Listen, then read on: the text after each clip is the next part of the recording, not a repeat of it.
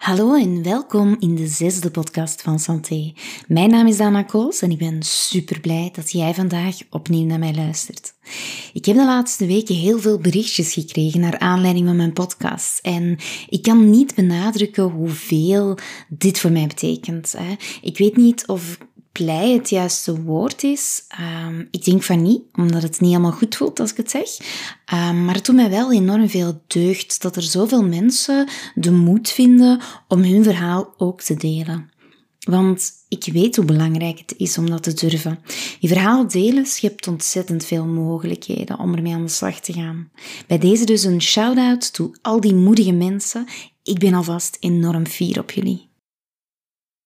Met deze podcast wil ik jullie laten kennismaken met mindfulness en de manier waarop ik het gebruik om voor goed komaf te maken met de eeuwige strijd met eten die velen onder ons gevoerd hebben of misschien zelfs nog steeds voeren. Deze podcast is voor jou als je wel eens dooreet ondanks dat je voldaan bent. Of als je jezelf erop betrapt dat je minder of zelfs niet eet terwijl je eigenlijk nog honger hebt. Als je je schuldig voelt na je maaltijd of snacks. Of als je last hebt van emotiegestuurd eten. Als je het gevoel hebt dat je compleet niet meer weet wat goed is voor jou, of gewoon als je beter naar je lichaam wil leren luisteren zodat je het alles kan geven wat het nodig heeft. Beslissingen nemen over eten houdt heel wat mensen bezig. In onze huidige samenleving hebben we alles ter beschikking om gezond te kunnen eten en toch lijkt het maken van gezonde voedingskeuzes steeds moeilijker te worden. Helaas strooien zelfverklaarde voedingsgoeroes wel eens roet in het eten en de overvloed van lekkernijen weet ons ook te pas en te onpas te verleiden. In een poging om te voldoen aan het ideaalbeeld dat zich in onze hoofden heeft gevormd, durven we ons ook wel eens van alles te verbieden. Mensen die bij mij in begeleiding komen na een reeks van diëten, al dan niet onder begeleiding van een expert, hebben ondertussen aan de lijve ondervonden dat verbieden geen zin heeft. Streng lijnen en je je lievelingseten verbieden voelt aan als een straf. En wie goed oplette tijdens mijn vorige podcast, weet ondertussen dat onze hersenen zich hiertegen zullen verzetten. Geen enkel normaal functionerend mens houdt dit vol. Je geeft het op of raakt zodanig gefrustreerd dat je de andere richting uitgaat en alles naar binnen werkt wat je al die tijd hebt moeten missen. En zo brengt diëten je dus verder weg van je doel. Ik ben blij als ik steeds meer diëtisten hoor zeggen dat het oké is om te genieten van je lievelingseten. Maar merk tegelijkertijd ook dat het mensen bang maakt. Want wat als ik er te veel van geniet? Wat als ik geen maat kan houden? Dan kom ik toch ook niet dichter bij mijn doel. Ja, dat klopt inderdaad. Goed voor jezelf zorgen betekent dat je een goede balans vindt, dat je je lievelingseten toestaat ook als je weet dat het je lichaam niet voedt en tegelijkertijd ook beroep kan doen op een gezonde portie zelfregulatie, om niet altijd in te gaan op die onmiddellijke verlangens, omdat dat je belemmert in het bereiken van je doelen. Easier said than done, huh? Yes, I know. Zoals jullie ondertussen weten, heb ik ook al een hele weg afgelegd en weet ik precies hoe het voelt om verloren te lopen in voedingskeuzes en in mijn lichaam. Het begint allemaal bij een oprechte interesse in je lichaam. En dat is waar mindfulness hele interessante aanknopingspunten biedt. Mindful zijn betekent dat je aandacht hebt voor wat er zich allemaal afspeelt in het nu, zonder oordeel. En dat laatste is heel interessant, want als ik mensen vraag om aandachtig te zijn, lukt dat meestal wel. Maar dat oordeel, dat vinden ze lastig. De meeste mensen die starten met mindfulness hebben zelfs een oordeel over hun oordeel. Als jij je daarin herkent, weet dan dat je niet de enige bent. Het zal oefening vragen en soms gaat het misschien een beetje vervelend voelen of zelfs heel vervelend. Zoals ik in mijn vorige podcast al aangaf, voelt de ik ga richting mijn doelzone soms minder comfortabel. Maar het is functioneel discomfort. Met een vleugje mildheid en compassie kan je jezelf troosten als je toch oefent, ondanks het feit dat je daar eigenlijk op dat moment geen zin in hebt. Mindfulness en ik hebben ook al een hele weg afgelegd.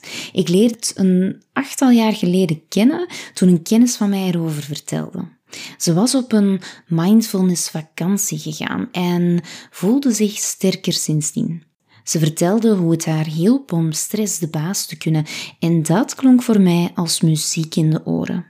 Want ik liep over van de stress. Ik schreef mij in voor een veel te dure cursus in de hoop gered te kunnen worden.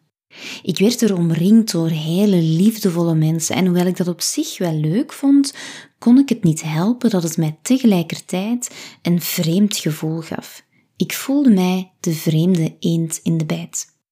Hoe meer mensen erin slaagden om dichter bij zichzelf te komen, hoe meer ik in paniek schoot, want ik zat al aan les 3 en mijn stress leek alleen maar te stijgen. Mijn hoofd vulde zich met de gedachte dat ik weg wou lopen in die lessen en het leek alsof ik niet anders kon dan daarover een oordeel te hebben. Na les 5 was het voor mij genoeg. Ik besloot dat ik niet gemaakt was voor mindful leven en schakelde weer terug op mijn overlevingsmodus. Vooruit, ook al voelde het alsof er drie vrachtwagens over mij gereden hadden wanneer mijn wekker mij na een alweer slapeloze nacht vertelde dat het tijd was om aan mijn to-do-lijst te beginnen. Achteraf terugblikkend op die ervaring zie ik in dat er een aantal noodzakelijke ingrediënten niet echt aanwezig waren. Voor eerst kende ik het concept van onvoorwaardelijke liefde nog niet. Laat staan dat ik mezelf onvoorwaardelijk graag kon zien. Met aandacht kijken naar de gedachten die opkwamen was voor mij enorm confronterend. Daarvoor had ik de draagkracht op dat moment nog niet. Ik had het gevoel dat ik perfect moest zijn om graag gezien te worden. En wat ik daar zag, was alles behalve perfect. Mijn innerlijke criticus spaarde mij ook niet en vuurde het ene oordeel na het andere op mij af. En ik moest die dan gewoon laten passeren. Maar hoe kon ik dat nu? Ik geloofde dat ik met al die oordelen aan de slag moest in de hoop perfect te kunnen worden, in de hoop liefde te kunnen verdienen. Nu weet ik dat die liefde iets is wat we allemaal verdienen, ongeacht wat we doen of niet doen, maar toen voelde dat anders. In plaats van die oordelen te laten passeren, zou ik ze toen liever genoteerd hebben, zodat ik er zeker geen vergat. Ik miste ook mildheid en compassie, Twee eigenschappen die me zouden versterken als ik het lastig kreeg om naar die gedachten te kijken en mezelf te vertellen dat het oké is om het lastig te hebben. En dat het moedig was dat ik, ondanks die lastigheden, toch bleef proberen. En dan was er nog die eeuwige vergelijking met de rest van de groep. Waarom konden zij het wel en ik niet? Dat bracht me ook niet bepaald dichter bij mezelf. Jullie begrijpen ondertussen al dat ik mijn vorige podcast nodig had om deze te brengen. Als je aan de slag bent gegaan met de inzichten en oefeningen die ik tot nu toe al meegegeven heb, dan beloof ik je dat de stap naar mindfulness en mindful eten gemakkelijker zal zijn. Zoals je ondertussen weet, ben ik eerlijk. Ik beloof niets wat ik niet kan waarmaken. Mindful eten en Mindful leren omgaan met eten zal inspanningen vragen. Je zal je soms oncomfortabel voelen. De learning zone vraagt nu eenmaal wat moed, maar compassie en mildheid zullen je er doorheen helpen. En wat ik ook beloof, is dat het de moeite zal zijn. Ik vertelde jullie ondertussen ook al dat onze hersenen een heel belangrijke rol spelen in ons gedrag. En wat je ook leerde is dat de mens van nature gevoelig is voor beloning. Eten is vanuit evolutionair perspectief heel belonend, want eten zorgt ervoor dat we overleven. Wanneer je eten ziet, interpreteren onze hersenen calorieën, energie en dus overleving omdat eten zo belangrijk is voor onze overleving, zijn onze hersenen geprogrammeerd om alle informatie hierover goed op te slaan. Wanneer je eten smaakt, onthouden je hersenen: ik zie eten, ik eet het op en ik voel me goed. Of ook wel prikkel, gedrag, beloning. Vanuit evolutionair perspectief dus compleet normaal. Maar onze hersenen zijn creatief en veralgemenen dit leerproces ook wel eens. Als ik me goed voel wanneer ik eet, dan kan ik het misschien ook toepassen op momenten waarop ik me niet goed voel. En zo zijn de fundamenten gelegd voor een patroon dat we emotioneel gestuurd eten noemen. Het patroon van emotiegestuurd eten is heel gelijkaardig aan het patroon dat ons in staat stelde om te overleven in tijden van voedselschaarste. Alleen de prikkel verschilt. Je stelt een gedrag op basis van een emotioneel signaal in plaats van een fysiek signaal, in plaats van een hongersignaal. Maar het leerproces is eigenlijk hetzelfde. Prikkel, gedrag, beloning. En als je dit vaak genoeg herhaalt, dan wordt het een patroon waarvoor je hersenen heel weinig energie verbruiken. Je doet het op automatisch piloot. Nu onze maatschappij veranderd is en we voldoende voeding ter beschikking hebben, lijkt het mechanisme in onze hersenen dat ons vroeger in staat stelde om te overleven eerder een vloek te zijn geworden.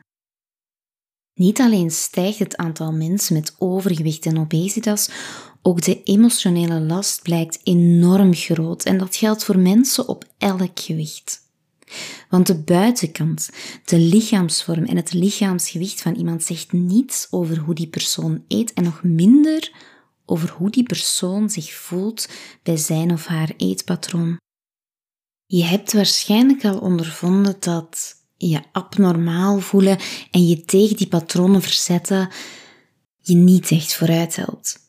Het zorgt voor meer frustratie en stress en dan neemt dat primitieve stukje van ons brein het over en dat kan alleen maar handelen op basis van die overlevingsinstincten.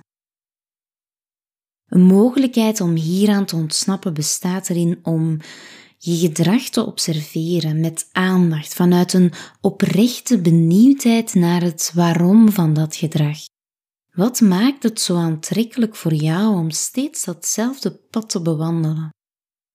Als ik aan mensen die ik begeleid vraag om deze oefening te doen, om een week hun patronen te observeren vanuit een benieuwdheid, daaraan niets te willen veranderen, maar het gewoon te observeren, dan hoor ik vaak dat ze beseffen dat ze eigenlijk vaak dingen eten die ze niet eens lekker vinden. Of die ze misschien wel lekker vinden, maar het op een manier eten dat ze er niet van genieten. Mindful eten wil zeggen dat je Geniet van je eten op het moment dat je het eet. Zonder na te denken over wat je daarna nog gaat eten of wat je ervoor al gegeten hebt. Je brengt je volledige aandacht naar hoe je eet, hoe het ruikt, proeft en hoe het voelt in je mond. Mindful keuzes maken over eten betekent dat je luistert naar je lichaam, je geest en je hart. Dat je luistert naar wat jij als persoon in je geheel verlangt en dat je een goede balans vindt tussen al die verlangens. Vanuit liefde voor jezelf, omdat je er wilt voor kiezen om goed voor jezelf te zorgen. Bij mindful eten ga je naar binnen kijken, omdat je lichaam heel goed aangeeft wat het nodig heeft. En daarmee onderscheidt mindful eten zich van diëten. Diëten is namelijk altijd gericht op iets extern, iets buiten jou, zoals dieetregeltjes. Lijstjes met twee kolommen, eentje met voedingsmiddelen die je mag en eentje met voedingsmiddelen die je niet mag. Of strikte schema's met afgewogen porties. Hoe meer je aandacht gaat naar het volgen van dieetregels enzovoort, hoe minder aandacht je overhoudt voor die interne signalen. En dat zal je vroeg of laat in problemen brengen. Als je de hoeveelheid of wat je eet laat afhangen van het aantal calorieën dat een app nauwkeurig voor je uitrekende of het aantal punten die je in bepaalde afslankclubs toebedeeld krijgt, dan ontneem je jezelf kans om echt te luisteren naar je lichaam. Met mindful eten kan je genieten, echt genieten, zonder te overdrijven, zonder je doelen in de weg te staan en dus zonder schuld- en schaamtegevoelens. En zo is het dus ook verschillend van het je m'en foutisme waarvoor velen vrezen wanneer ze hun dieetregeltjes loslaten. Mindless eten of gewoon maar erop los leven en eten heeft weinig met genieten te maken. Vaak wordt voeding snel naar binnen gespeeld met veel afleiding, waardoor alle aangename prikkels ons beloningssysteem helemaal niet bereiken. Als onze hersenen bezig zijn met het verwerken van een tv-programma of het beantwoorden van je mails, dan blijft er minder energie over om die aangename eetprikkels te verwerken. En daardoor bereiken minder van die aangename prikkels ons beloningssysteem en zal je dus meer stimulatie, dus meer eten, nodig hebben voor eenzelfde beloningseffect. En als je gevoelig bent voor beloning, dan is de kans groot dat je die beloning dus extra zal opzoeken en dat je dus meer zal eten. Mindfulness stelt je in staat om niet op automatische piloot te reageren op al die eetgerelateerde prikkels die op ons pad komen. Zo zal je ervaren dat je een keuze hebt om erop in te gaan of niet. Je zal merken dat veel van die eetneigingen weg hebben wanneer je ze laat voor wat ze zijn, zonder je er tegen te verzetten. Dat kan enorm bevrijdend voelen. Door je aandacht te trainen kan je leren luisteren naar het fluisteren van je lichaam, zodat het niet hoeft te schreeuwen. En hoe meer je die aandacht traint, hoe beter je in staat bent om te voelen wat je lichaam nodig heeft. Opmerkzaamheid stelt je in staat om lastige situaties voor te zijn. En dat brengt ons bij het begrip hangry. Een samenvoegsel van hunger en angry. Ik verwacht dat een grote groep van de mensen die luistert naar mijn podcast zich herkent in het gevoel dat ze krijgen wanneer ze lang niet gegeten hebben. Je energiepeil zakt, je wordt wat minder geduldig en antwoordt misschien wat korter. Wanneer je hangry bent, ben je niet de beste versie van jezelf. Laat ons het daarop houden. Soms doen of zeggen we dingen uit hangriness waarvan we later spijt hebben. Het lijkt soms sterker dan onszelf. Hanger is geen vorm van persoonlijk falen. Het valt opnieuw te verklaren vanuit evolutionair perspectief. Wanneer de mens in zijn grotten woonde, was hangriness erg helpend. Het stelde de mens in staat om zijn energie te bundelen om wilde dieren te vangen, zodat hij zijn honger kon stillen. En zo hadden hangry people een grotere overlevingskans en konden ze hun genen doorgeven. Hunger management start bij een goed begrip van honger. Wanneer ik spreek over honger denken velen aan het geluid van een lege maag. Dat is inderdaad een belangrijk signaal van ons lichaam om ons eraan te herinneren dat we opnieuw nood hebben aan eten. Daarnaast zijn er nog een hele reeks signalen die ons tot eten aanzetten, of toch eraan doen denken en ernaar verlangen. Zo kan je koekjes eten gewoon omdat ze op tafel staan. Of neem je je lunch gewoon omdat het tijd is om te lunchen. Misschien eet je ook wel eens omdat je verdrietig bent. Al die gedragingen worden gevoed door een ander soort honger. Als de kapitein in jou niet langer wil ingaan op al die eetverleidingen, maar voortaan bewust wil kiezen, dan is het belangrijk om zicht te krijgen op die verschillende types van honger. Als je weet waarom je eet, kan je beslissen of je dat een goede reden vindt of niet. Ik ben geneigd te eten omdat ik mij verdrietig voel, maar ik weet dat het me op het eind van de rit alleen maar meer verdriet bezorgt. Dus kies ik ervoor om het niet te doen. Er zijn verschillende soorten honger. Al die soorten honger komen aan bod in mijn cursus rond mindful eten. Die cursus is opgebouwd uit verschillende onderdelen en de eerste gaat over het managen van hangriness. Jij kan kans maken om gratis deel te nemen aan mijn proefproject, waarin ik je van A tot Z uitleg hoe hangriness in elkaar zit en hoe je eraan ontsnapt. We gaan aan de slag met oefeningen en ik coach jou samen met een aantal andere gelukkige winnaars er doorheen. Hoe je kan winnen ontdek je op mijn Instagram, Santé op met een W gezondheid, dus Santé op jouw gezondheid. En deelnemen kan nog tot woensdag. Hier volgt alvast een voorsmaakje. Laten we eerst eventjes stilstaan bij het puur biologisch verhaal van honger. Wanneer je lichaam aangeeft dat je fysiek honger hebt, is je glucose of je bloedsuiker gezakt. Belangrijk om te weten is dat onze hersenen in verhouding tot hun grootte enorme verbruikers zijn van glucose. Vooral het rationeel stukje van ons brein dat beslissingen neemt op basis van gezond verstand is afhankelijk van glucose of suiker in ons bloed. Als je onvoldoende glucose beschikbaar hebt in je lichaam, dan voel je je vermoeid. Heb je een gebrek aan concentratie, weinig geduld en ervaar je gemakkelijker irritatie. Glucose halen we uit onze voeding. Hoe langer we wachten met eten, hoe minder glucose we in ons bloed zullen hebben en hoe groter de kans is dat dat rationeel stukje van ons brein zonder glucose valt en dus hoe groter ons risico dat we niet de meest verstandige beslissingen nemen. En dat kan over voeding gaan, maar zeker ook op andere vlakken. Mensen vragen mij in de praktijk wel eens of ze een tussendoortje moeten eten. Wat mij betreft hoeft dat niet.